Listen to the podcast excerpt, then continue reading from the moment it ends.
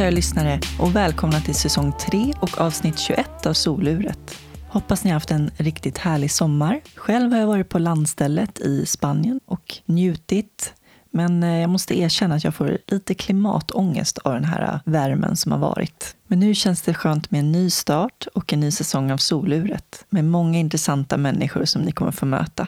Jag startar den här podden för jag är nyfiken på vad som formar oss till de vi är. Kan en avgörande händelse påverka eller definiera en människa? Eller är det årsringarna som formar oss? Hur påverkar miljöer och människor oss? Hur påverkas våra vägval av våra förutsättningar? Jag som intervjuar heter Jasmine Nilsson och i Soluret möter jag människor från alla samhällsskikt och med varje livshistoria belyses olika ämnen. Dagens intervju spelades in i Dieselverkstan i Stockholm och görs i samarbete med det internationella hjälpmedelsföretaget Invacare som jag har haft ett mångårigt samarbete med och är jättetacksam för att de gör det möjligt att jag kan spela in soluret. I våras var jag med i Arbetsförmedlingens reklamkampanj Gör plats. Filmen handlar om tre människor med olika funktionsnedsättningar som tar sig till sina jobb. Min erfarenhet är att det är en stor brist på kunskap hos arbetsgivare Första gången som jag skulle söka jobb hade jag med en helkroppsbild på mig där man kunde se att jag satt i rullstol. Jag fick knappt någon respons. När jag bytte ut bilden till en porträttbild fick jag helt plötsligt jättemånga svar. Vi måste ändra synsätt på personer med funktionsnedsättningar i Sverige och se kvaliteter och förmågor före en persons funktionsnedsättning. Syftet med kampanjen är att få fler arbetsgivare att vilja anställa personer med funktionsnedsättning. Alla som hör detta, gå in på gorplats.se Gör plats är ett initiativ från Arbetsförmedlingen som handlar om hur du som arbetsgivare kan få stöd så att fler grymma människor får chans till jobb. Idag får ni möta Adam Kirstein Reuterswärd. Adam började arbeta som tonåring och med inkomsten som bränsle hamnade han i spelmissbruk. Han ville fly verkligheten, inte bara in i spelandet utan även med alkohol och marijuana. Spelmissbruket fördärvade Adams liv och försatte honom i svåra ekonomiska kriser. Idag arbetar Adam på Spelfriheten, som är en öppenvårdsbehandling för att hjälpa andra spelberoende. Här kommer Adam.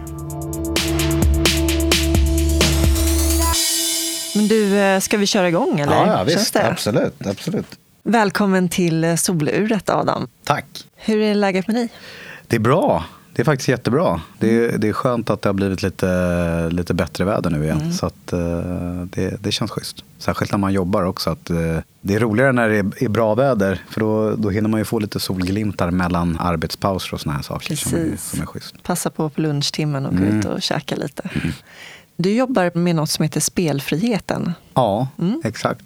I början så kan man väl säga att det var mer som ett ett projekt tillsammans med ganska många till. Eh, men sen märkte vi ganska snabbt att det behövs eldsjälar och framförallt eh, ett gäng personer som jobbar med det heltid för att det ska fungera och framförallt också att eh, alla som är hjälpsökande faktiskt kan få hjälp snabbt också. För du har haft problem med spelberoende. Ja, exakt. Och är spelfri sedan två år tillbaks. Ja, snart två och ett halvt år till och med. Mm. Så det, det är lite sådär att det har blivit jag har ju varit spelberoende och är fortfarande spelberoende sen eh, ja, 15-16 års ålder och jag är 36 idag. Eh, och försökt i olika omgångar bli fri från det beroendet eh, men aldrig riktigt lyckats fullt ut. Så att, men jag har gått väldigt mycket olika behandlingar och terapiinsatser och självhjälp och massa olika saker genom åren. Men den här vevan så har det funkat mycket, mycket bättre. Och, mm. och framförallt så har jag också börjat jobba med det. Som mm. jag tror är en, en, stor anledning till varför jag, jag faktiskt är spelfri fortfarande. Liksom. Att jag har bytt arbetskarriär eller vad man ska säga. Jag förstår. Jag tänkte vi ska gå in eh, lite mer på det senare också kring mm. spelberoende och vad det är som, som gör att man hamnar i det. Och hur det är att vara i det framförallt mm. också. Men du föddes 1981 ja. som Adam Samantha. Ja. Eh, hur uttalar man Kirsten? Kirsten, Kirsten. Kirsten Reuterswärd. Ja. Och du föddes i Bromma? Ja, eller jag, mm. egentligen jag föddes i, i Sri Lanka. Okay. Eh, men är adopterad. Så kom hit eh, ja, när jag var ett och ett halvt år drygt. Mm. Hur var uppväxten i Bromma? Jättebra. Väldigt sådär ja, men, idyllisk och, och helylle som det kan vara i vissa såna här villasamhällen. Liksom, att, eh, det är lite som en skyddad verkstad. Att, eh, jag levde väl i, i tron om att alla har ungefär så här. Jag rörde mig väldigt sällan till andra delar. Även om vi självklart åkte in till stan ibland och, och sådär. Men just att eh, när vi tittar på, på Stockholm i sin helhet så var det väldigt ofta stan och Bromma. Liksom. Det var inte så många andra delar. Så att, eh, fanns egentligen ingenting och liksom så här, som jag saknade eller klaga på eh, under uppväxten. Utan den var väldigt kärleksfull och eh, lycklig. Vad fint. Mm. Vart i Bromma är det? Det är alltså så Alléparken, Äppelviken, Stora Mossen, alltså mm. lite mittemellan. Men man, okay. Stora Mossen är närmsta tunnelbana. Ja. Liksom. Mm. Jag gick i Kristofferskolan ja. i Brommaplan. Ja, ja, ja, visst. Hur gammal är du? Jag blir 35 i år, så jag är ja. född 83. Ja, just det. Då skulle det kunna teoretiskt sett vara så att vi kanske till och med har träffats någon gång. Ja. För att eh, jag eh, hade ju faktiskt flera kompisar i Kristofferskolan. Är det så? Ja. Aha. Och eh, min mamma hade en sjukgymnastik som låg vid Brommaplan. Brommaplans fysioterapi, så här vattengymnastiks tjofräs. Okej. Okay. Så jag var ganska mycket i Brommaplan. Ja, har vi säkert stått på varandra. Ja. Lustigt, världen är liten. Ja, verkligen. Hur gick det i skolan då? Eh, det gick eh, helt okej. Okay. Det jag kommer ihåg var väl egentligen så här att när jag var lite yngre så tyckte jag att skolan var, var rolig eh, och hängde med och tyckte att det var kul att läsa och, och, och plugga och sådär. Och sen ju äldre jag blev så kom det ju in andra intressen. Och i takt med det så kände jag väl att skolan blev mindre och mindre viktig.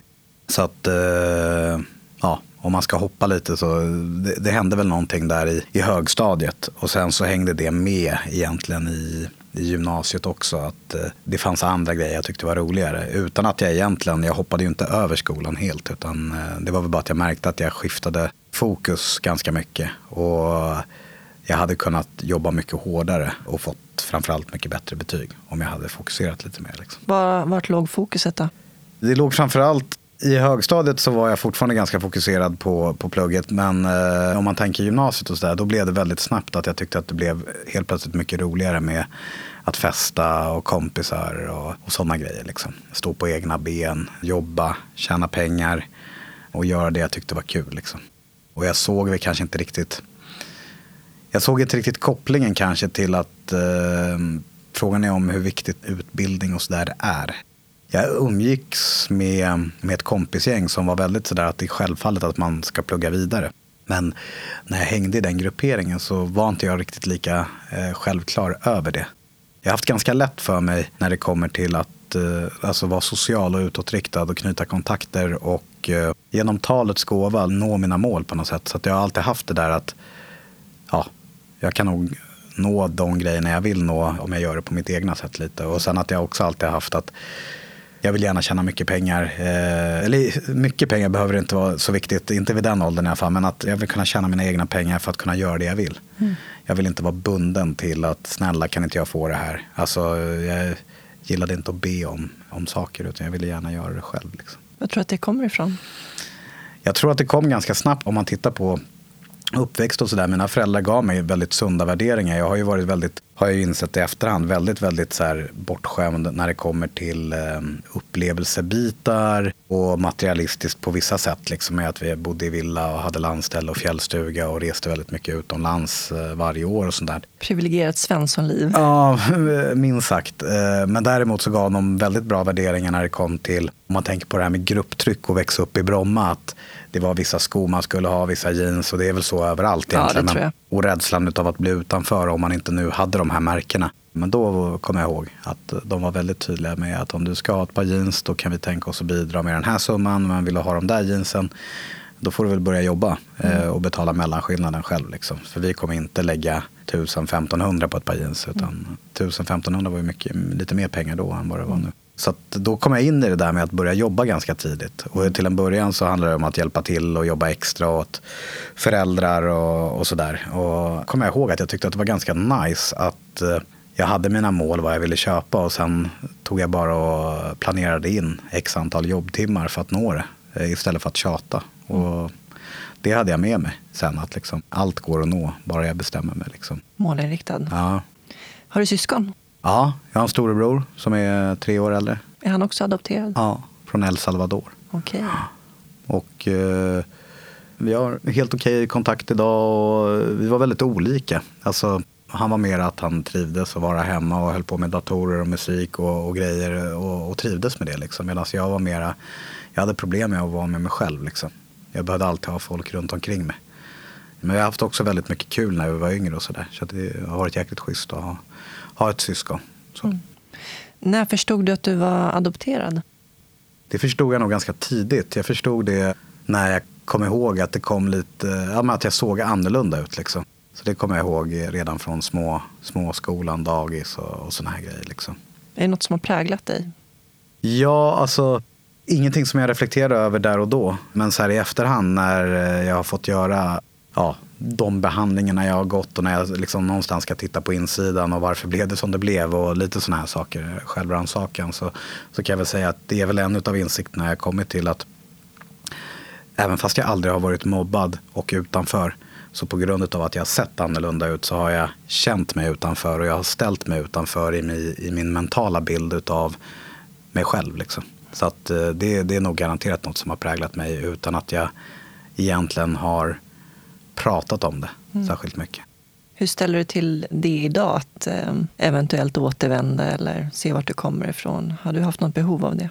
Nej, alltså jag har faktiskt inte haft det. Alltså jag, självfallet så skulle jag vilja återvända för att se landet någon gång. Alltså, det har bara blivit så och jag tror att det säkert har med till viss del någon form av rädsla för jag har ju kunnat eh, åka dit om jag har velat. Liksom. Men av, någon anledning så har det alltid blivit något annat land. Alltså om jag åker till Asien så nej men då åker vi till Thailand eller vi stannar inte till där utan vi så, så det är säkert också någon sån här underdold lite rädsla. Att mm. så här, nej men undrar hur jag kommer reagera. Och jag tror också att det blir lite så här, har du växt upp i ett samhälle som Bromma var där det knappt fanns invandrare.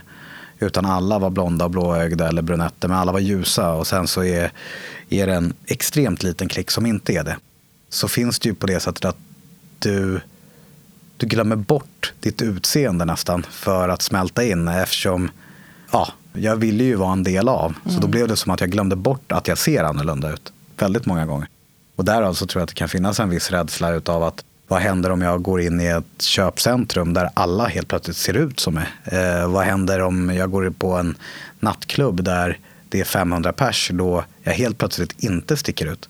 För jag är så van vid att sticka ut. Så pass van så att jag nästintill har gjort så att eh, jag inte sticker ut. Bara för att jag intalat mig själv att jag ser exakt likadan ut som alla andra. Liksom. Mm. För det, på den tiden så var det sån extremt liten klick. De som var, såg annorlunda ut, eh, det var ju de som var adopterade. Liksom. Och det var inte jättemånga där. Nej. Så att eh, det finns nog en liten rädsla för det. Däremot så kan jag väl säga att i jobbsammanhang och sådär så har jag ju jobbat på en hel del olika ställen och då har jag ju ändå kommit i kontakt med jättemycket invandrare och andra adopterade och liksom andra generationen och tredje generationens invandrare också för den delen. Och, eh, de känner jag ju mig jättetrygg med och har jättelätt för att connecta och, och jag kan väl känna att är jag i ett sammanhang där det sitter 10-20 svenskfödda personer som är blonda och blåögda så kan det kännas ibland som att om man tittar både historiskt och hur det kan kännas idag att jag hela tiden har någon sån här underliggande grej med att rädslan för att inte räcka till eh, för att jag ser annorlunda ut. Men sitter jag i ett rum med 10-20 invandrare så finns inte den rädslan. Nej. Utan då är den som bortblåst. Så mm. Även fast jag känner mig 100% svensk och i ett sammanhang, om jag fick välja på något sätt, så är jag ju vanare ändå med att sitta med 20 blonda och blåögda. Så jag är mer van vid det än att sitta med, med 20 invandrare. Liksom. Så att, eh, jag skulle nog välja kanske att sitta med svenskarna. Liksom, för det är så det har sett ut. Men jag är inte främmande för det andra. för att eh, Idag har jag ju så extremt blandad, och jag har ju haft det hela mitt liv, väldigt blandad umgängeskrets. Liksom. Mm. Men jag kommer ihåg att det var fantastiskt skön känsla när jag började jobba på McDonalds ganska tidigt och det var en sån där grej som där jobbar ju väldigt blandade folk och åldrar och ursprung och allt Det gjorde jag också, ja. när jag var 14. Jag började lite senare, jag började när jag var 16 tror jag, jag gick i mm. ettan på gymnasiet. Sen gick jag hela deras utbildning, alltså det är en lång, ja. lång historia, men jag gick hela utbildningstjofräsen. Ja. jag tror att jag landade som biträdande restaurangchef. Okay. Eh, sen hoppade jag vidare liksom. Men jag gick väldigt mycket kurser och sådär. Mm. Jag kommer ihåg att jag inte behövde jag hade ju inte den där rädslan för att bli övergiven på något sätt i de kretsarna. Så där kunde jag också märka att det här med att ljuga och krydda historier och liksom såna här saker. Det behövde jag inte göra när jag hängde med sådana som inte var just blonda och blåögda svenskar. Utan då helt plötsligt så räckte det bara med att vara Adam. Liksom. Ja. Och det räckte även i Bromma med att bara vara Adam. Men det räckte inte för mig själv att vara Adam i, i området. Liksom. Jag kommer ihåg att när jag var på fester i förorter tillsammans med mina nya vänner på McDonalds så kunde det vara så här att för första gången så åkte jag till Norsborg och Hallunda och Tensta och liksom så här till andra förorter. Och jag kommer ihåg att jag också tyckte att det var så här. En helt annan värld. Ja, en helt annan värld. Och framförallt också väldigt skönt att komma in i en lägenhet där jag inte stack ut på det sättet. För det kommer jag ihåg att jag kunde störa mig på om jag kom till en villafest och så är det 150 pers. Och så är det jag och en till som är mörk. Liksom. Ja, jag gillade inte att vara utanför fast jag mm. inte kände, alltså jag, jag, blev ju aldrig utanför men jag ställde mig utanför mentalt liksom. Mm. För att jag inte såg likadan ut. Ja men det är väl naturligt att man jämför sig med mm. sin omgivning, man mm. jämför sig med andra. Mm. Man vill vara en i mängden, så det är det man strävar efter. Ja, exakt. Nej, det är nog inte så konstigt egentligen. Jag vet bara att det var lite så tabu också, för alltså det fanns en rädsla utav att jag vill aldrig prata om det. För att, eh, vadå, jag är lika bra som alla andra. Det här är ju pinsamt, varför ska jag prata om det? Jag som är så glad och positiv, eh, det här blir fjantigt att prata om. Så det fanns också någon liten sån här, lite prestige i att inte berätta. En eh, stolthet kanske? Ja, också. typ. Mm. Stolthet i vem jag är. Och en stolthet i att prata om att jag inte alls är rädd för att bli utesluten eller övergiven. Mm. Alltså, för det finns väl något sånt här generellt med att alla böcker och allt sånt där. Har du varit adopterad så finns det alltid en rädsla för att bli övergiven. Och det har jag ju vetat och det är sånt som folk ibland har pratat om. Och att jag verkligen då ska skilja mig från det. Och liksom, nej men det är så, jag har inte den rädslan. Jag är annorlunda. Jag är Adam liksom. Men mm. innerst inne så, så har det ju såklart alltid funnits det. Mm. Att jag är jävligt rädd för att bli övergiven. Liksom. Jo men det är ju klart, alltså, det är ju ändå det är ju trots allt ett trauma, även om du inte konkret kommer ihåg exakt hur du separerades mm. från dina föräldrar, så är det ändå någonting du har varit med om. Så någonstans där ligger det ju ändå. Ja. Och också att det finns lite så här, jag har ju som sagt ingen, jag har haft en helt fantastisk uppväxt och jag älskar mina föräldrar och de har alltid varit extremt kärleksfulla för mig och alltid funnits där oavsett egentligen vad jag har gjort så har jag alltid levt med den här grejen med att hur fan kunde någon lämna mig? Mm. Varför ville någon överge mig? Jag som är så bra liksom. Hur, jag, jag kunde aldrig, jag, jag, blev aldrig, jag kunde inte, jag kunde inte köpa det händelseförloppet. Och jag har blivit tillfreds med det i dagsläget. Okay. Men eh, det är ingenting som jag har funderat på under alla de här åren. Men nu när jag liksom gått tillbaka och tittat, vad är det liksom, hur kommer det sig att det har blivit som det har blivit och, och lite sådär, så är ju faktiskt just den grejen en, en sån pryl som har varit återkommande. Jag har haft det som, för det sätter spår i, i övriga relationer liksom. Att eh, jag har aldrig haft svårt att hitta kompisar och jag har inte haft svårt att inleda kärleksrelationer, haft lätt för det. Men det har alltid varit i mitt bakhuvud att kompisar kommer och går, flickvänner kommer och går. För att jag har aldrig vågat släppa in någon fullt ut för att rädslan av att bli övergiven. Jag har blivit övergiven en gång, det kommer aldrig mer hända. Alltså mm. lite så. Så mm. att eh, det har ju satt spår hos mig och mm. flera av mina vänner och flera gamla exflickvänner att liksom det har varit ett återkommande samtalsämne just så här med kan du inte bara berätta vem du är och varför släpper du inte till och eh, det känns som att jag jag ger mer än eh, vad du gör och eh, varför berättar du inte hur du känner på riktigt och du har ingenting att vara rädd. Alltså det har varit mycket det har varit mycket att vi har kommit till samma punkt i en relation och för dem kanske det är en ny punkt men för mig är det en återkommande punkt för att det har varit så i många relationer. Mm. Och min oförmåga att släppa taget och, och bjuda in och, och, berätta att jag är rädd och våga visa sårbarhet och, och rädslor för att det är det man behöver göra. Liksom. Men det, det, tog lång tid för mig att, uh, att klippa det. Liksom. Mm. Har det varit så också att du hellre överger än hinner bli övergiven? Ja, så att säga? alltid. Skulle man kunna säga. Eller skulle jag kunna säga. Så mm. har det varit. Men sen blir det också jag hade den diskussionen med, med en, en kompis faktiskt bara för några dagar sedan. Just det här med att vissa är sådana som själva gör slut. Om man tar då kärleksrelationer och vissa blir dumpade. Liksom. Eh, och så pratar vi om så här, vad är värst egentligen. Och det som jag kom fram till, eftersom jag ändå är en beroende ut i fingertopparna, det är att mitt känsloliv är så pass i obalans väldigt lätt.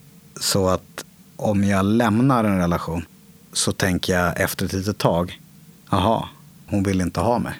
Jag dög inte. Och om jag blir dumpad så tänker jag direkt, hon vill inte ha mig, jag dög inte. Så för min del så blir det egentligen samma slutsats mm. oavsett vem det är nu som har gjort slut eller inte. Mm. Liksom. När kände du att, att det är okej att bara vara Adam och att du är tillräcklig? Det kände jag när jag gick in i eh, en tolvstegsgemenskap för sex och ett halvt år sedan drygt. Då kände jag att när jag kom in i de rummen och det välkomnandet jag fick, den kärleken jag fick och eh, den igenkänningen jag hittade. Oavsett ursprung, ålder, kön så kunde jag känna igen mig i vad alla pratade om. Liksom. Och då kände jag väldigt starkt så att nu har jag kommit till ett sammanhang där jag kommer våga öppna upp. Jag kommer inte bli dömd. Jag kommer inte döma ut mig själv. Och jag kommer bli inspirerad av att våga lyssna på andra och göra som de säger. För att eh, de har lyckats eh, med det de var här från, från första början. De har lyckats med det i sitt liv. Liksom. Så det var först då egentligen. Mm. Hur började spelberoendet? Spelberoendet började när jag var 15-16. Och eller så här, då började väl inte själva beroendet, men då, det var då spel kom in i, min, i mitt liv. Liksom. Och det var på egentligen lokala pizzerior runt om i Bromma. Liksom. Men eh, då tyckte jag att det var lite roligare än mina kompisar. Alltså när man stod vid de här Jack Vegas-maskinerna. Jag kommer ihåg att jag tyckte att det var, jag ville inte gå tillbaka och äta maten eller sluta, utan jag ville spela vidare. På den tiden så blev konsekvenserna inte så stora. Det var en veckopeng som försvann eller en månadspeng som försvann lite för snabbt och sådär. Så att jag kommer ihåg när jag tittar tillbaka på det att jag hade ingen kontroll redan då. Hur är det om man spelar andra spel som inte kräver pengar? Kan det vara en ingång? Ja, det kan det vara. Alltså det beror, på, beror lite på var du är någonstans i ditt spelberoende, hur, hur det har utvecklats och liksom så. Men för min del, i dagsläget så är jag väldigt sådär, innan jag börjar spela någonting, alltså som inte har med pengar att göra, så tar jag verkligen med en funderare på, är det här någonting som för, för mitt liv framåt? Eh, är det några risker med det här? För att det det handlar om är att jag vill inte förlora. Jag vill alltid vinna. Och om jag vinner i ett sammanhang med om det är fyra eller sex eller tio så kan det leda till att jag går hem och så känner jag så här, fan jag är fortfarande grym på spel. Och det kan leda till att jag faktiskt börjar tänka på mina andra spel som har med pengar att göra. Och Ta till exempel något återfall som jag haft för massa år sedan. Jag har haft återfall, ganska, eller jag har tagit massa återfall. Och ett återfall eh, började med att eh, jag spelade Bingolotto tillsammans med en, en ex-flickvän. Hon hade det som tradition med sin familj, att vi satt och spelade dagen innan julafton tror jag att det är, när det är uppsittarkväll. Då var jag den enda som fick bingo utav 15 pers. Och det var en trigger? Ja, då gick jag hem och så tänkte jag så här, av 15 pers är det bara jag som får bingo. Nu börjar jag spela poker igen liksom. Och då hade jag hållit mig borta från poker väldigt mm. länge. Jag tror att det är väldigt individuellt, men eh, att man får vara duktig på att vara ärlig mot sig själv. Liksom. Vad är mm. syftet till att jag spelar? Jag kan till exempel så kan jag spela alfabet, monopol, men eh, jag skulle till exempel inte spela poker, alltså kortspel. Alltså jag skulle inte spela Chicago. För då är det samma sak, att man sitter och räknar två par och triss och fyra, alltså för det är för nära poker. Liksom. Och jag har faktiskt inte spelat kortspel överlag sådär på väldigt, väldigt länge. För det är så kopplat till när jag spelar om pengar. Liksom.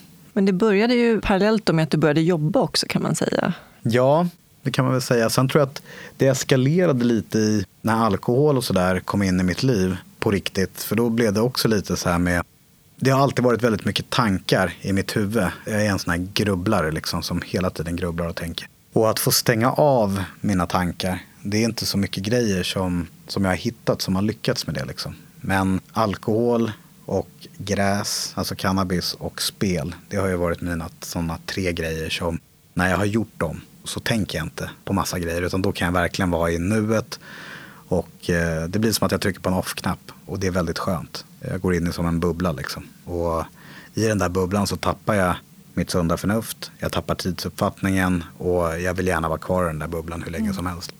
Så att absolut, det började med när jag började jobba till viss del. Men sen så har det liksom, flyttade jag hemifrån när jag var 18 och konsekvenserna utav spel kom ju i princip direkt när jag fick mina första löner. Att jag, liksom, jag fick ju inte månaden att gå ihop. Utan jag spelade upp alla pengar väldigt snabbt. Liksom. Och sen så hamnade jag i den här, hur ska jag lösa hyra? Hur ska jag kunna betala mobil och SL-kort? Och, och det är det som jag tror är, är lite speciellt i och med att jag ändå någonstans har erfarenhet av att vara blandmissbrukare. Att spelberoende är så extremt speciellt på det sättet, för mig i alla fall. Det att när jag drack för mycket alkohol eller när jag rökte för mycket gräs, då var det så här att jag betalade min hyra, jag betalade mina räkningar och jag planerade min månad för att jag ville kunna fortsätta röka gräs och dricka hela månaden. Men när jag spelar, det som finns tillgängligt på kontot, det är det jag går in med. Så att med spelet så har jag alltid varit beredd att förlora allt. Gränslös? Gränslös direkt.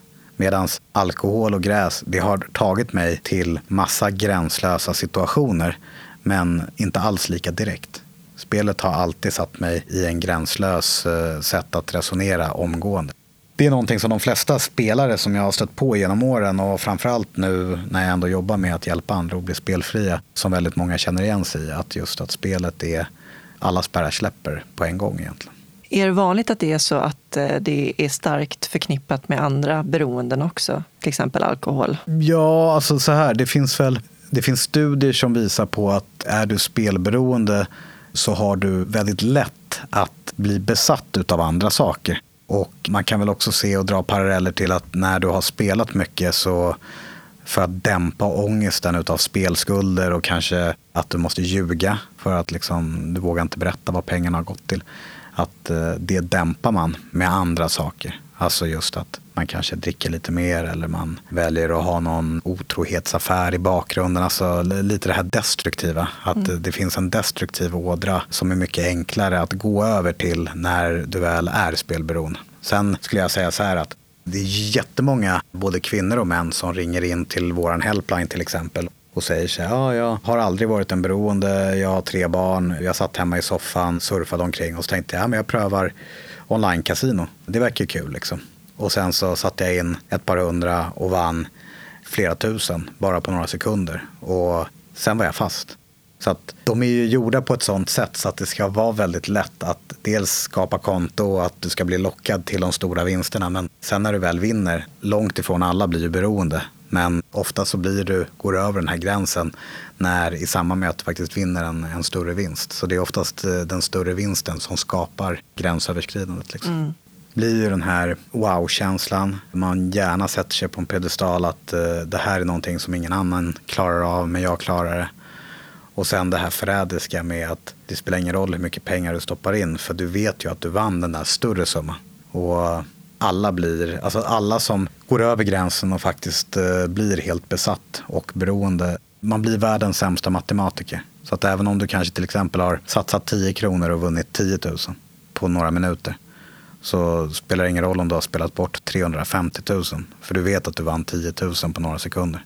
Det går liksom inte ihop. Och det är det som jag tycker är läskigast med, med spelberoendet. Att om jag till exempel har varit nykter från alkohol och jag kanske har två barn och en fru och så väljer jag efter tre år att börja dricka igen. Då är ju min sträcka till att få konsekvenser för familjen, den är ju inte direkt. Den går ju liksom i periodvis beroende på såklart hur mycket man dricker. Men tar jag ett återfall på spel så kan jag ju på några sekunder, några minuter sätta mig och min familj i ekonomiska bekymmer för 30 år framöver. Mm, så just det här med hur det drabbar en, en hel familj och inte mm. bara mig själv. Det är ju typ det enda beroendet som finns. Ja, det är väl om du jag brukar säga det om man har gått på heroin och så tar man ett återfall på heroin att du kan dö på, på en överdos mm. direkt. Liksom. Mm. Men eh, just det här som många tyvärr anhöriga när de ringer och så säger de så här, nu har min fru eller min man eller mitt barn tagit ett återfall på spel. Och att den här skräcken av att alltså de anhöriga, de måste ta ställning till, orkar jag leva i 30 år till nu på existensminimum? Är kärleken så stark och hur länge kommer det hålla den här gången? Så det blir så extremt destruktivt liksom.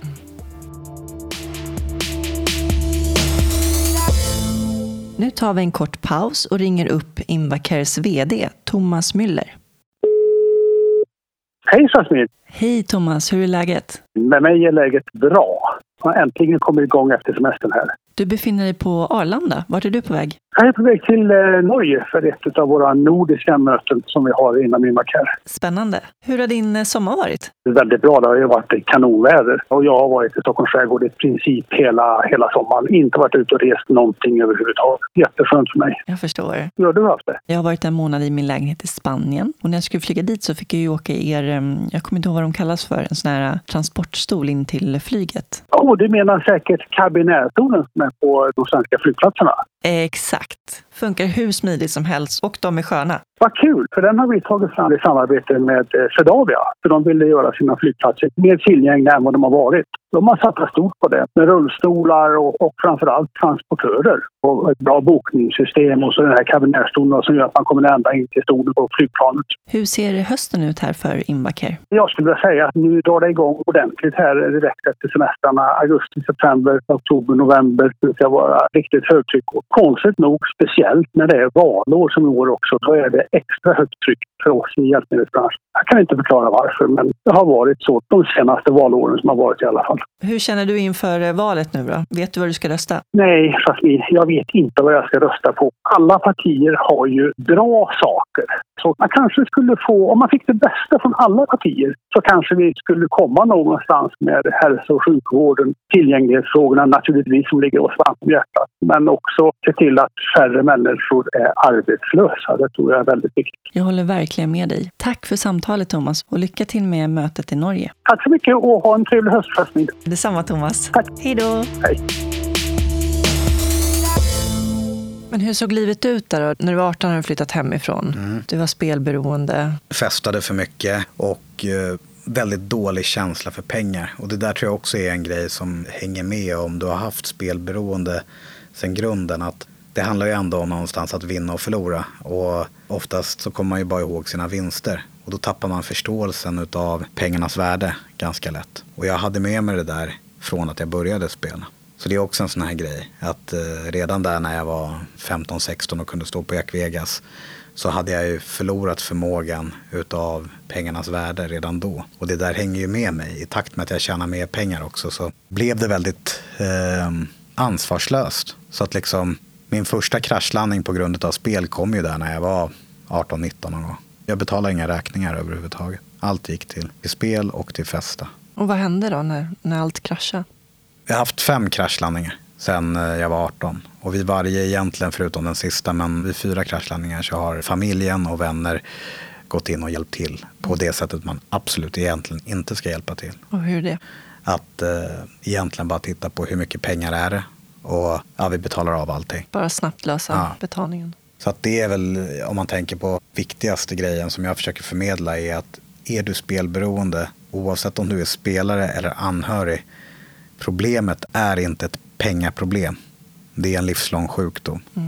Så att det är jätteviktigt att komma ihåg att bara för att man blir skuldfri så försvinner inte problemet. Utan det är en sjukdom som aldrig försvinner. Så att fokus ska inte vara på att bli skuldfri så snabbt som möjligt. Utan fokus ska vara hur kan jag lära mig att hantera min sjukdom på en gång. Det är väl det som har varit mitt, alltså om jag ska titta tillbaka. Att Tyvärr så har jag inte fått sådana jobbiga konsekvenser utav mitt spelande. Eh, mer än skamkänslor och liksom att jag har ljugit mycket och förlorat mycket relationer. Kunnat förlora lite jobbförtroenden och lite sådana saker. Liksom. Men eftersom jag alltid fått det löst och varit skyldig familjen pengar i sånt fall. Liksom, det, det har ju inte varit samma grej. Liksom. Om jag tittar tillbaka på mitt spelande så har det väl också varit så här att jag har egentligen aldrig velat jag har inte velat sluta spela. För att eh, jag har alltid liksom någonstans här trott att ja, det kommer vara perioder då jag måste ligga lågt. Men jag ska alltid kunna återvända till spelet. Men den här vevan så fick jag såna enorma konsekvenser. Och också att eh, familjen sa att du får klara dig själv ur det här. Det här är ju liksom inte första gången du har levt halva ditt vuxna liv. Och vi har ingen möjlighet att hjälpa dig heller för den delen. För det var för stora summor det handlade om. Och då var det första gången jag kände själv så här, jag skulle inte ens ha hjälpt mig själv om jag hade haft de pengarna. Utan eh, fan, ta tag i det här nu liksom.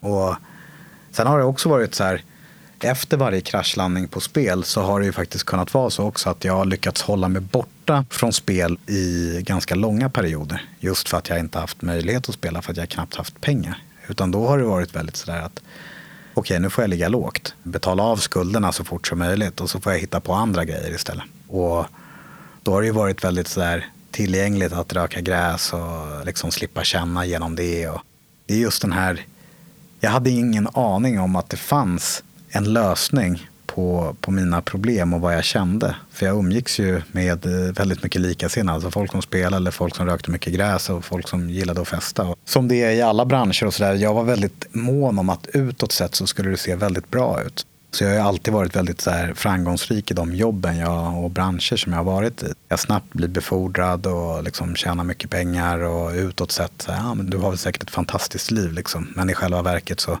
vad som sker bakom stängda dörrar och hur jag mår, det, det delgav jag nästan ingen. Liksom. Och mina närmsta vänner visste väl att jag hade inte så sund levnadsstil. Liksom. Men det var inte så många utanför det som visste om det. Liksom.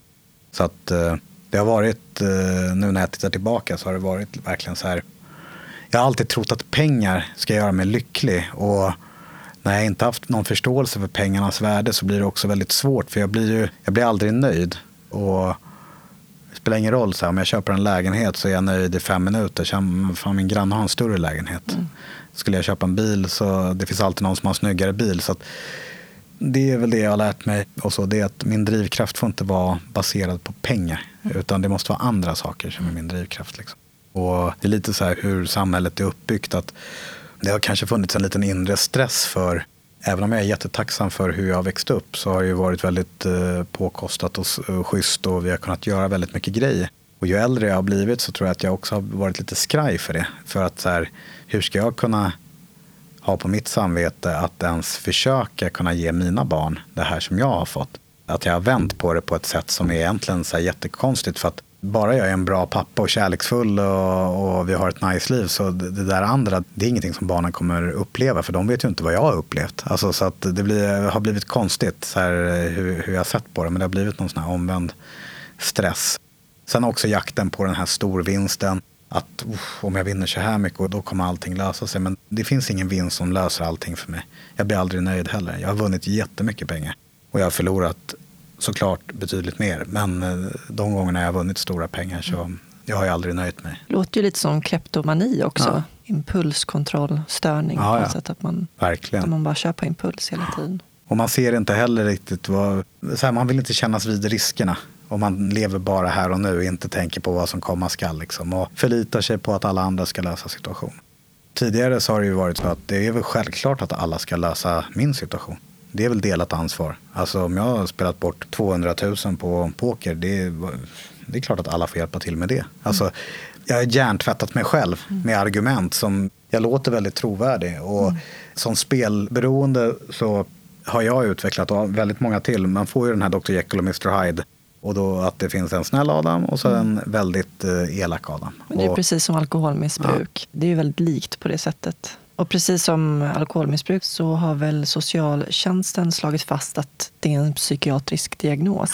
Och att det är inskrivet i hälso och sjukvårdslagen också. Men det var ganska nyligen? Eller? Ja, första januari. Det är ju konstigt, för jag läste på nätet att eh, 1980 var det en officiell psykiatrisk diagnos. Så då känns det ju som att det är väldigt sent. Verkligen. Här. Det är skumt. Det finns ju hasardspelssyndromet. Ja, precis. och eh, i och med att det blev diagnostiserat så tidigt så är det ju fortfarande, det finns ju fall här även i Sverige när anhöriga till spelberoende eller spelmissbruk som har sökt vård som har fått beviljad ekonomiskt bistånd att gå behandlingar. Just för att man har hänvisat till att det är ju faktiskt en sjukdom, liksom, diagnostiserat så. Men man får väl se det som med allt, att det, det är bra att det händer nu. Och en av anledningarna till att vi har dragit igång det här med spelfriheten, det var ju mycket tack vare att den här lagen gick igenom. Framförallt så kan man väl säga att även om det i dagsläget är så att det är väldigt många kommuner och så som är jätteintresserade av vad vi gör Och vi är ute och liksom föreläser om spelberoendet och vår behandling och just att vi är den första behandlingen som har formats av spelare och anhöriga. Alla andra behandlingar görs av bara terapeuter och sen testkör man det. Medan här har vi haft 50-talet före detta spelmissbrukare med deras anhöriga som har varit med och format flera olika moduler tillsammans med, med beroendeterapeuter. Så att de är jätteintresserade och de ser oss som ett bra alternativ. Däremot så kan man se att vi är verksamma i Stockholms län. Liksom. Men om man går in i Nacka kommun till exempel så säger man jag är spelmissbrukare och jag vill gå öppenvårdsbehandlingen på spelfriheten. Så är det inte lika lätt som det kan låta utan du får ansöka och så är det lång väntetid och sen kanske de har internt som de vill testköra på klienten och sen efter det så, så ganska lång sträcka tills det blir verklighet. Och när man ber om hjälp då måste man snabbt få hjälp. Ja. Då kan det inte vara för lång startsträcka. Nej. Vi är väl mer så här att kan vi hjälpa kommunerna med bättre kunskap så att deras interna avdelning, om det nu är att de ska ha KBT-grupper och sånt där, att de kan bli mer träffsäkra och, och, bättre på det de gör och framförallt kunna bli snabbare på det de gör, så hjälper vi gärna till med det. Det enda som är min vision det är att alla som sträcker ut en hand, jag vill ha hjälp, ska kunna få hjälp snabbt. Och det kommer aldrig kunna gå att manövrera så att vi på spelfriheten ska kunna hjälpa alla. Det fattar ju vem som helst. Så att bara alla får hjälp snabbt. Jag har varit i situationen då jag har bett om hjälp och jag inte har kunnat få någon hjälp. Bara be om hjälp, bara det är ju ett väldigt stort steg att ta. Ja, det är det sista steget ja. för en spelberoende. Det är ja. liksom, innan du ber om hjälp så är det ju fly landet och självmord oftast som står som eh, bättre alternativ. Och det har att göra med att det är alldeles för få som går ut och berättar det här som du och jag gör nu är fantastiskt. Och om man tänker på tidningar och tv, förhoppningen är ju att fler och fler ska börja prata om det. Så att den här skammen kring att vara spelberoende, att det sakta men säkert börjar försvinna. Och att fler vågar söka hjälp och inte tänker på självmord och fly landet innan. Och det har ju att göra med att kunskapen kring det här med, vi säger att ha en kidnappad hjärna, det är, star alltså det är så starkt så att du gör grejer som du inte ens kan känna igen att du har gjort. Men för gemene man, Svensson där ute, så är det fortfarande så här att om man säger att ja, jag spelar bort hela min lön utan att betala hyra, räkningar och jag har inte ens mat till mina barn. Då är det väldigt lätt att eh, man tänker, men är du dum i huvudet? Du satt alltså klockan två på dagen utan att ens vara mm. påverkad. Tycker att man har ett val. Alltså. Ja, och anhöriga säger han var inte ens full eller hon var inte ens full. Eller, de hade inte ens tagit någon tablett, ingenting. Alltså, alltså, är den här personen helt korkad? Medan om de är fulla eller om de är pårökta eller har tagit sömntabletter eller någonting, då det är inte okej. Okay, men allmänheten tycker att det är lättare att förstå. Och det är väl det som är skammen till varför det är så jäkla jobbigt att be om hjälp. För att vi har målat upp i huvudet att vi kommer inte få någon hjälp och alla kommer döma oss på förhand. Vilket till viss del stämmer, men däremot så är vi ju långt ifrån ensamma. Det är ju 170 000 ja, som har spel, eh, alltså fått konsekvenser av sitt spel i Sverige bara. Ja, uppskattningsvis lever 82 000 barn i Sverige med en spelberoende anhörig. Ja. Men det är ju så, det är ju, vi matas ju hela tiden med de här uh, reklamerna för online-spelen och det har eskalerat något så oerhört. Överallt, hela tiden ser man ju reklamen för de här bettingsajterna. Det är ungefär som man ska jämföra med alkohol. Man hela tiden skulle göra reklam för att hur kul det är att dricka alkohol och vad glad man blir då. Ja. Det känns lite, alltså det är ju absurt ja. egentligen. Ja, faktiskt. Och alla det... kändisar då som ska göra reklam för de här bettingsajterna och som verkar som förebilder i övrigt. Det, ja. det känns ju också helt skevt. Jag tror så här att alltså som spelberoende så får man ganska snabbt komma in i matchen med att energin som vi har måste vi lägga på att lära oss att leva med reklamen också och få verktyg som gör att vi kan leva livet på livets villkor. Och jag brukar säga det till anhöriga också, att lägg energin på hur du kan hjälpa dig själv och hur du kan hjälpa den spelberoende, inte på reklamen. För reklamen kommer finnas i olika former i all oändlighet tyvärr. Så det tar massa onödig energi. Sen kan jag verkligen hålla med dig om att det sticker i ögonen och väldigt mycket av reklamen känns som att den riktar sig mot spelberoende och det är det jag tycker är nästan hemskt, alltså mest hemskt. Liksom. Det finns några spelbolag som använder sådana här uttryck som ingen behöver få veta. Hos oss spelar du helt anonymt. Mm. Då är det så här, det finns inte en enda Svensson-spelare som behöver vara anonym. Utan de enda som behöver så vara... Cyniskt, ja, alltså. Och sen finns det några andra som säger att eh, hos oss behöver du inte registrera konto. In med pengar på eh, två sekunder och du tar ut dina pengar på två sekunder. Mm. Och det är också sån här, oftast så har spel, alltså en spelberoende som har tagit hjälp har oftast inte hand om sin ekonomi i många lägen. Och då när på en överföring med en sån här som är då hos oss spelar anonymt, då står det inte att det är ett spelbolag.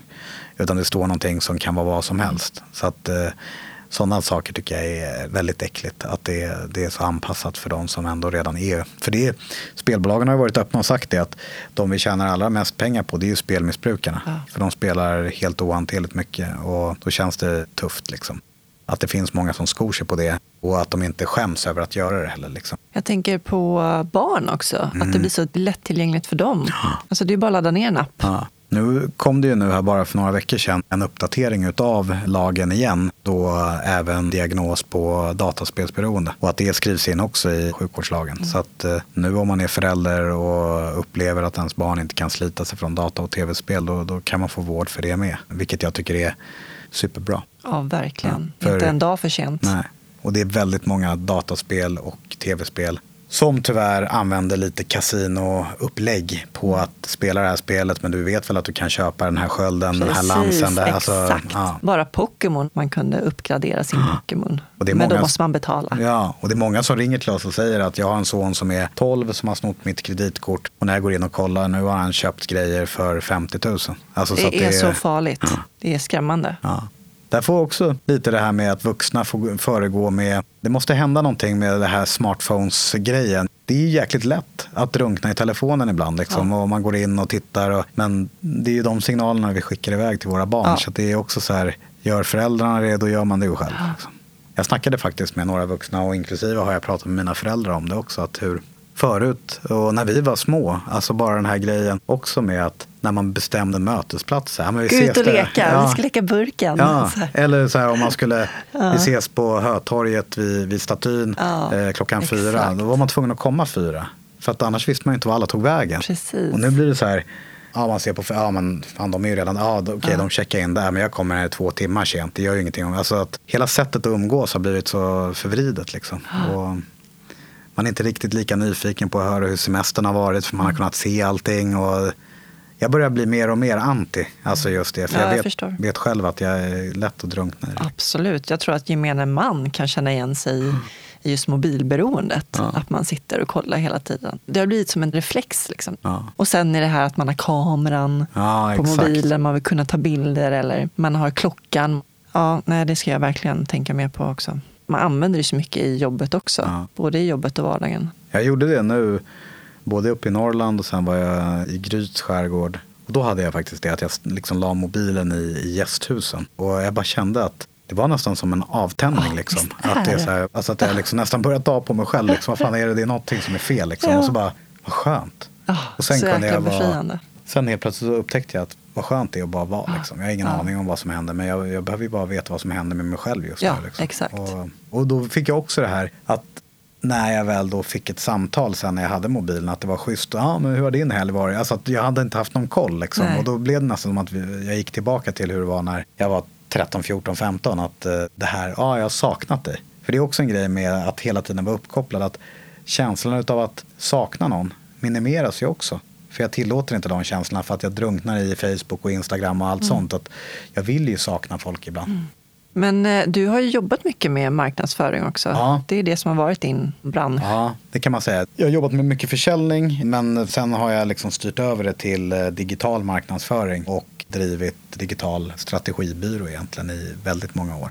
Och det var ju det som också var den här konsekvensen av mitt senaste återfall på spel. Att jag gick över en sån gräns som jag aldrig trodde att jag kunde komma till. Att jag tog pengar från, eh, från företagskontona när jag inte kunde ta några mer egna privata lån.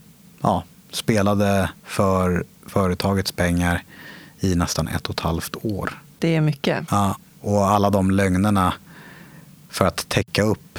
Jag byggde upp en falsk verklighet som jag själv trodde på. Jag var ju tvungen att, att ljuga hela tiden. Liksom. Och sov dåligt under den perioden och varje gång någon av mina liksom delägare kan du komma in här, ring, viktigt och trodde jag nu har de upptäckt. Och det hände väl tio gånger om dagen, sju dagar i veckan i ett och ett halvt år. Så att så här i efterhand, att utsätta mig för den tortyren också. Fattar inte jag, ja, jag fattar inte hur jag pallade det. Så, när det hade gått så pass långt så att jag visste också att jag kommer liksom inte kunna fortsätta med det här för det, det liksom går inte att ställa till rätta. Utan det är också en sån här grej att villigheten att faktiskt berätta vad man har gjort eller vad jag har gjort. Eh, tyvärr när du är så djupt inne i spelmissbruket och liksom speldjävulen har dig fångad. Du slutar ju inte för att du har något sunt förnuft utan du slutar ju för att ja, nu är det på slutet, de kommer upptäcka mig. Eller att liksom, jag orkar inte mer utan jag måste berätta. Och det var precis det som hände. Att jag, jag la korten på bordet för att frågorna hade börjat komma väldigt mycket om att nu måste du lämna de här eh, underlagen och liksom, vi måste stänga bokslutet och eh, nu får du skärpa dig. Liksom. Och det fanns ju inga underlag utan det var ju bara så lögner. Och det blev jättekonsekvenser på en gång. Jag blev polisanmäld, fick berätta för alla kunder som jag hade jobbat med 8-9 år och berätta för anställda. Alltså jag bara får ångest när du berättar det här. Ja. Alltså, det måste varit så tungt att ja. bära inom dig. Men på något eh, snedvridet sätt ändå. Det är det som är så flummigt med spelbiten. Det var att den dagen när jag förlorade allting och berättade allt. Det var ju den första dagen på typ ett och ett halvt år som jag sov mm. ordentligt. Liksom. För mm. då helt plötsligt så här, nu vet alla. Men sen när verkligheten kom ikapp och jag började inse, du vet, så vänta, ja, och liksom grov trolöshet mot huvudman, miljonbelopp. Och så börjar man googla på det där och så ser man så här, vänta, det här är ju, jag kommer ju få fängelse för det här liksom. Och när du inte har suttit i en polisbil ens förut liksom. Bara den grejen var ju en enorm konsekvens. Att inse att det här kommer bli rättsliga påföljder. Jag kommer liksom inte kunna komma förbi det. Liksom. Sen har det varit en jobbig liksom, resa tillbaka men jag har fått lägga mig helt, be om hjälp, följa råd från andra spelberoende. Så, så här har vi valt att göra. Och gå i behandling och framför allt inte se det som ett pengaproblem utan se det som att det är en sjukdom. För nu blev det så tydligt att ett företag som tog sju åtta år att bygga upp hade flera anställda och jag själv hade inte tagit ut någon semester i början de första åren för att jag ville att allt skulle gå till att bygga vidare på bolaget. Att, att spela bort något sånt på enarmade banditer på nätet nu i efterhand, det låter ju helt det låter ju verkligen helt sjukt och jag kan inte ens tro att jag har gjort det. Så det blev så tydligt att det är en sjukdom och att jag blir aldrig av med den. Liksom. Min lilla räddning blev också att det som den här tolvstegsgemenskapen hade hjälpt mig med var ju att när jag berättade allting, jag blev liksom så här, så länge jag inte börjar röka cannabis och, och kröka igen så är allting lugnt. Mm. Och så såg inte jag liksom spelet som, jag såg inte det som knark. Även fast jag innerst inne visste att det är ju det beroendet som är allra värst för mig liksom egentligen. Så att min räddning blev att när jag förlorade allting och liksom blev polisanmäld och så där, då hade jag faktiskt inte en tanke på att börja dricka eller börja röka cannabis igen. Så att tolvstegsgemenskapen hade ändå lärt mig att en lösning är inte att börja med andra destruktiva saker. Så att jag fick ändå upp någon form av hopp om att jobbar jag med mitt spelberoende på samma sätt så kommer jag kunna lära mig att hantera det här. Och jag var alldeles för trött på att fly bort från mitt ansvar. Utan jag ville liksom, så här, jag vill ha ett schysst liv. Liksom. Jag vill ha lugn och ro. Det har varit tufft, det är tufft. Men jag har ett liksom, väldigt sådär inrutat dagligt program som gör att jag kämpar mig in i matchen varje dag. Och oavsett egentligen vad som händer, så länge jag har det här dagliga programmet så vet jag att jag kommer inte behöva agera ut i destruktiva levnadsmönster utan jag har verktyg som jag kan hantera liksom upp och nedgångar i känslolivet utan att behöva fly. vad är det för verktyg? I behandlingen brukar vi kalla det för livlinor. Jag umgås med personer som har något av de här beroendena och kämpar med dem på samma sätt som jag gör. Jag umgås med sådana regelbundet. Det är mina vänner idag, liksom. nära vänner. Jag lever tillsammans med en tjej som har full förståelse för mina beroenden och hon vet vad jag går igenom och vad som komma skall. Det finns inga hemligheter, vilket också är en sån här viktig grej för mig. Liksom. Alla i min närhet vet om vad jag har gjort och att liksom det finns en överklagan till eh, en hovrätt. För jag har ju faktiskt varit i rättegång och jag har fått ett fängelsestraff men som jag har överklagat. Uh, hur långt blev det? Två år och sex månader. Uh. Så det, det blev ju i min bild som att jag inte har varit straffad sedan tidigare, att jag har varit spelfri så länge, att jag hjälper andra och att den här lagändringen hade gått igenom så tänkte jag ändå det finns väldigt mycket bra grejer i den här soppan. Och så hade jag i mitt huvud att jag kanske skulle kunna få villkorligt med elboja och sen att jag bara liksom betalar tillbaka pengarna som jag har förskingrat. Liksom. Men eh, de såg inte riktigt det på det sättet. Liksom. Mm. Men sen är det också det att väntetiderna är långa på den här typen av mål så att det kommer säkert inte hända någonting. Ja, det kan ta ett år, ett och ett halvt år liksom innan det överklagas. Så nu har jag ju, det är ändå två och ett halvt år sedan. Så det, det har ju redan tagit väldigt lång tid. Ja, det är ju ett, på ett sätt ett fängelsestraff i sig att gå omkring med Precis. det här hela tiden. Psykiskt mm. tänker jag att det måste vara påfrestande. Men sen är det också en till grej som jag tror är viktig att komma ihåg. Och det är att jag har slutat jaga mina skulder och jag har slutat jaga pengar. Alltså det är det jag har lärt mig. Att lyckan kommer inifrån och det finns inga pengar i världen som kommer göra mig lycklig. Och titta mera på så här, vad är det för några grejer en dag behöver innehålla för att jag ska vara nöjd istället. Och det är det som har varit en väldigt befrielse. Att det behövs inte innehålla så mycket grejer. Utan det räcker med att jag umgås med energiska, positiva människor och kan äta lite mat och kan andas lite luft och eh, försöker se med humor på livet lite och kunna skratta. Och sen också leva här och nu. Jag lever inte min historia, jag lever inte min framtid utan jag lever nu. Och förut har jag alltid levt i historien eller i framtiden. Och när jag börjar analysera och grubbla på det, då har jag inget nice liv, utan en dag i taget. Liksom. Jag läste att du beskrev det också som att du ville fly verkligheten. Mm. Vad var det du ville fly ifrån? Jag visste väl hela tiden att det här skalet, maskerna, utåt sett att jag är en jätterolig, en positiv person. Jag har inga hemligheter, alltså att jag utstrålar att man ska kunna prata om allt. Och jag ville fly från den verkligheten för jag visste att den inte stämde. Går du på en tolvstegsgemenskap som jag gjorde under så många år och var, var liksom nykter och, och drogfri och prata om hur bra livet var. Liksom, tack, jag är så himla tacksam. Och, men i själva verket så spelade jag hur mycket som helst och höll på att förgöra mitt liv. Det är ju också en sån här grej. Samtidigt byggde jag det här företaget och utåt sett såg allt ut att vara fantastiskt. Att jag ville fly från, från den verkligheten på något sätt. Och då blev det som att det var ju inte vinsterna jag var ute efter utan det var ju bara den här stänga av-grejen. Jag fick ju inte dricka, jag fick ju inte röka gräs. Någonting måste jag väl få göra. Ja, men spel. I dagsläget så har jag ingen sån här stäng, stänga av-pryl. Men däremot så har jag lärt mig att eh, det är okej okay att känna. Det är okej okay att må dåligt. Det är okej okay att ha tråkigt. Och eh, jag behöver inte stänga av idag. Mm. Liksom. Utan snarare mer så här att våga prata om det. Liksom. Mm. Och, och, våga vara kvar i det. Det behöver inte alltid vara så här, nej det är toppen, det är kanon. Livet leker, det behöver inte alltid vara så. Mm. Utan det, det, kan vara tufft ibland liksom, och det kan vara jobbigt. Men, det är så livet är. Ja.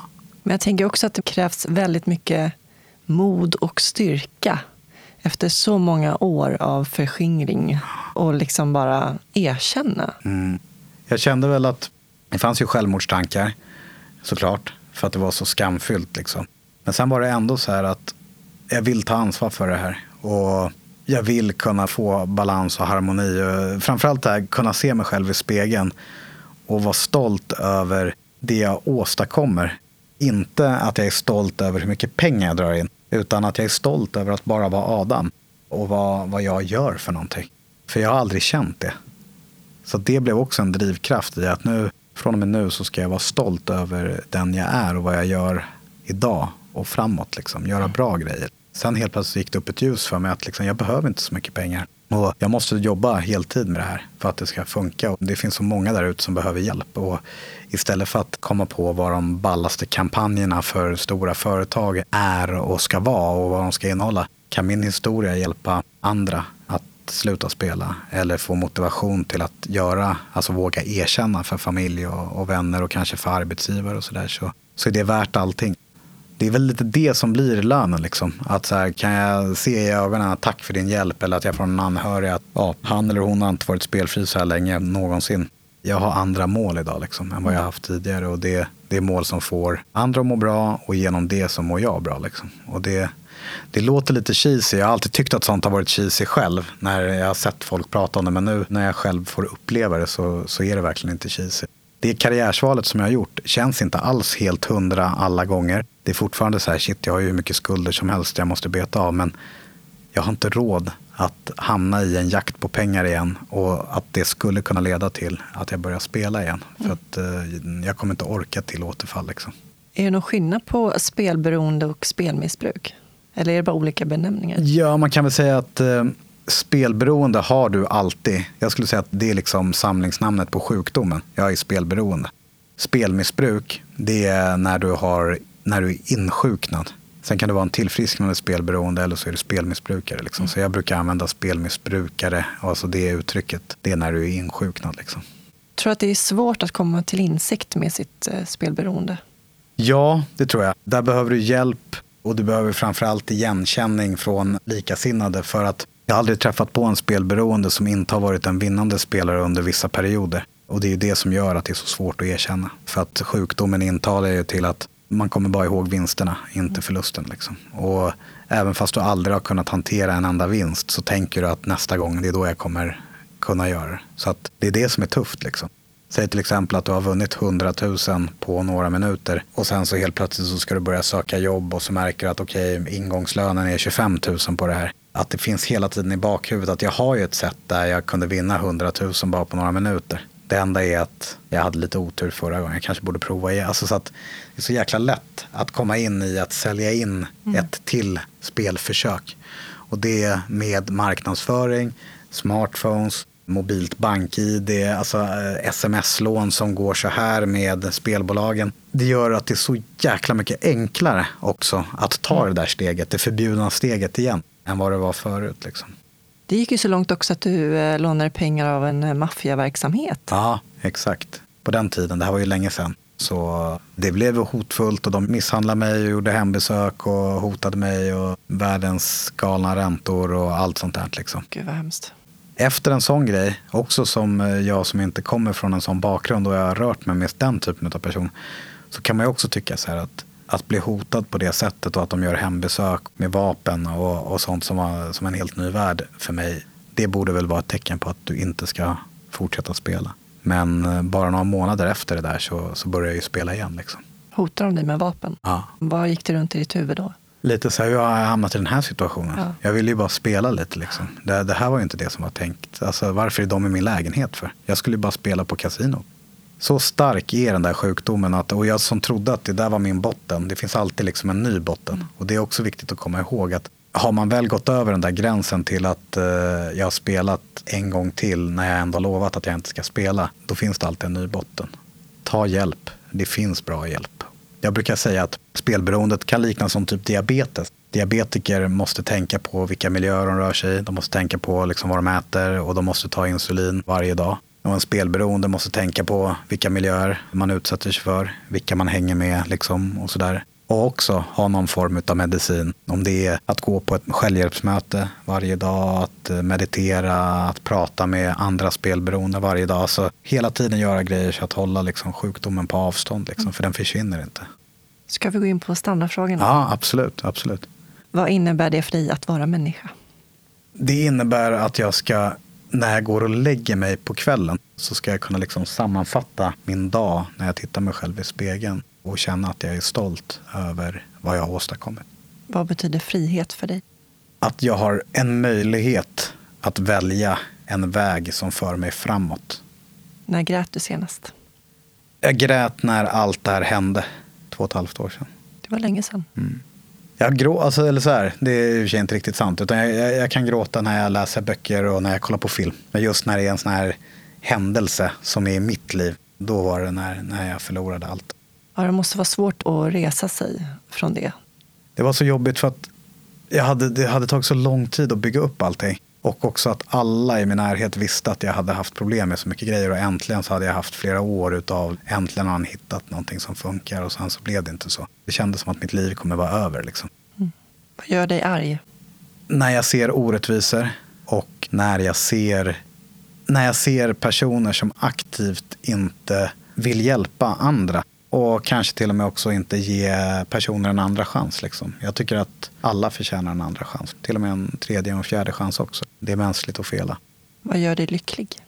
Att se att jag idag kan hantera både upp och nedgångar utan att fly i destruktiva levnadsmönster. För det har jag aldrig kunnat göra förut och det gör jag idag, liksom, vilket är nice. Det är lycka. Sen också att kunna ha liksom, trevliga, härliga, kärleksfulla stunder med, med familj och vänner. Och, och liksom, trots allt som ligger i historien och ligger framöver, så, så här och nu så har vi det fantastiskt. Liksom. Det är lycka för mig också. Vad drömmer du om? Jag drömmer om att kunna fortsätta få hjälpa personer som har tappat allt hopp och liksom känt att det är bättre att jag tar livet av mig eller flyr än att berätta sanningen. Att kunna fortsätta hjälpa de personerna att faktiskt, det är inte värt att ta livet av sig, det är inte värt att fly. Utan ta ansvar för sjukdomen och börja gå på självhjälpsmöten och ta den hjälp som finns. Det finns så mycket som helst där ute och det går. Och bara så här, den friheten som jag känner idag jag trodde inte att jag någon gång skulle kunna känna en sån frihet. Och då är det ändå så här, det är lite surrealistiskt med tanke på att jag ändå väntar på kanske då ett fängelsestraff. Men jag känner mig ändå så jäkla fri. För jag, jag har liksom inga, jag har inga hemligheter idag. För första gången så lever jag som jag säger att jag ska leva. Det är ingen mask, ingenting, utan det, det här är jag. Liksom. Jag har några antingen eller-frågor här mm. också. Kaffe eller te? Kaffe. Bok eller film? Film. Kött eller grönsaker? Kött. Planering eller spontanitet? Spontanitet. Se eller höra? Uh, höra. Ljus eller mörker? Ljus. Fort eller långsamt? Långsamt. Lyssna eller prata? Prata. Tack så jättemycket Adam för att du delade med dig av ditt liv. Tack för att jag fick komma hit.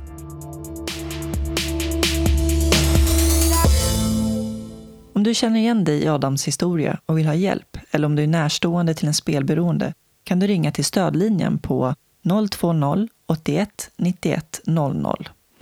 Det erbjuder anonym och kostnadsfri rådgivning och är tillgänglig oavsett var i Sverige du bor. Ni kan även mejla till info.stodlinjen.se.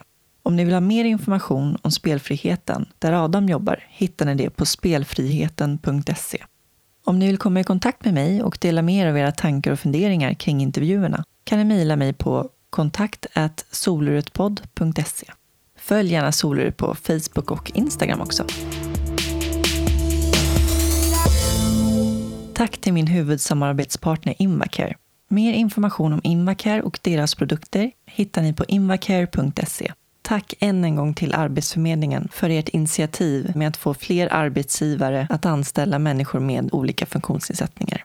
Du som arbetsgivare kan göra så att fler grymma människor kan få chans till jobb genom att gå in på gorplats.se och låta dig inspireras av alla de intervjuer och historier som finns presenterade där.